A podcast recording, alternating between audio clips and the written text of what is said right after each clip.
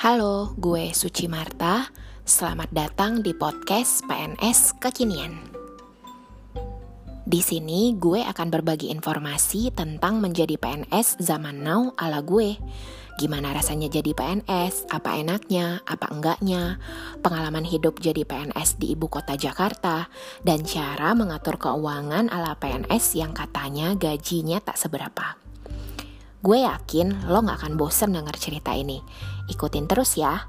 Sampai jumpa. Bekerja untuk negeri gak akan pernah buat lo rugi.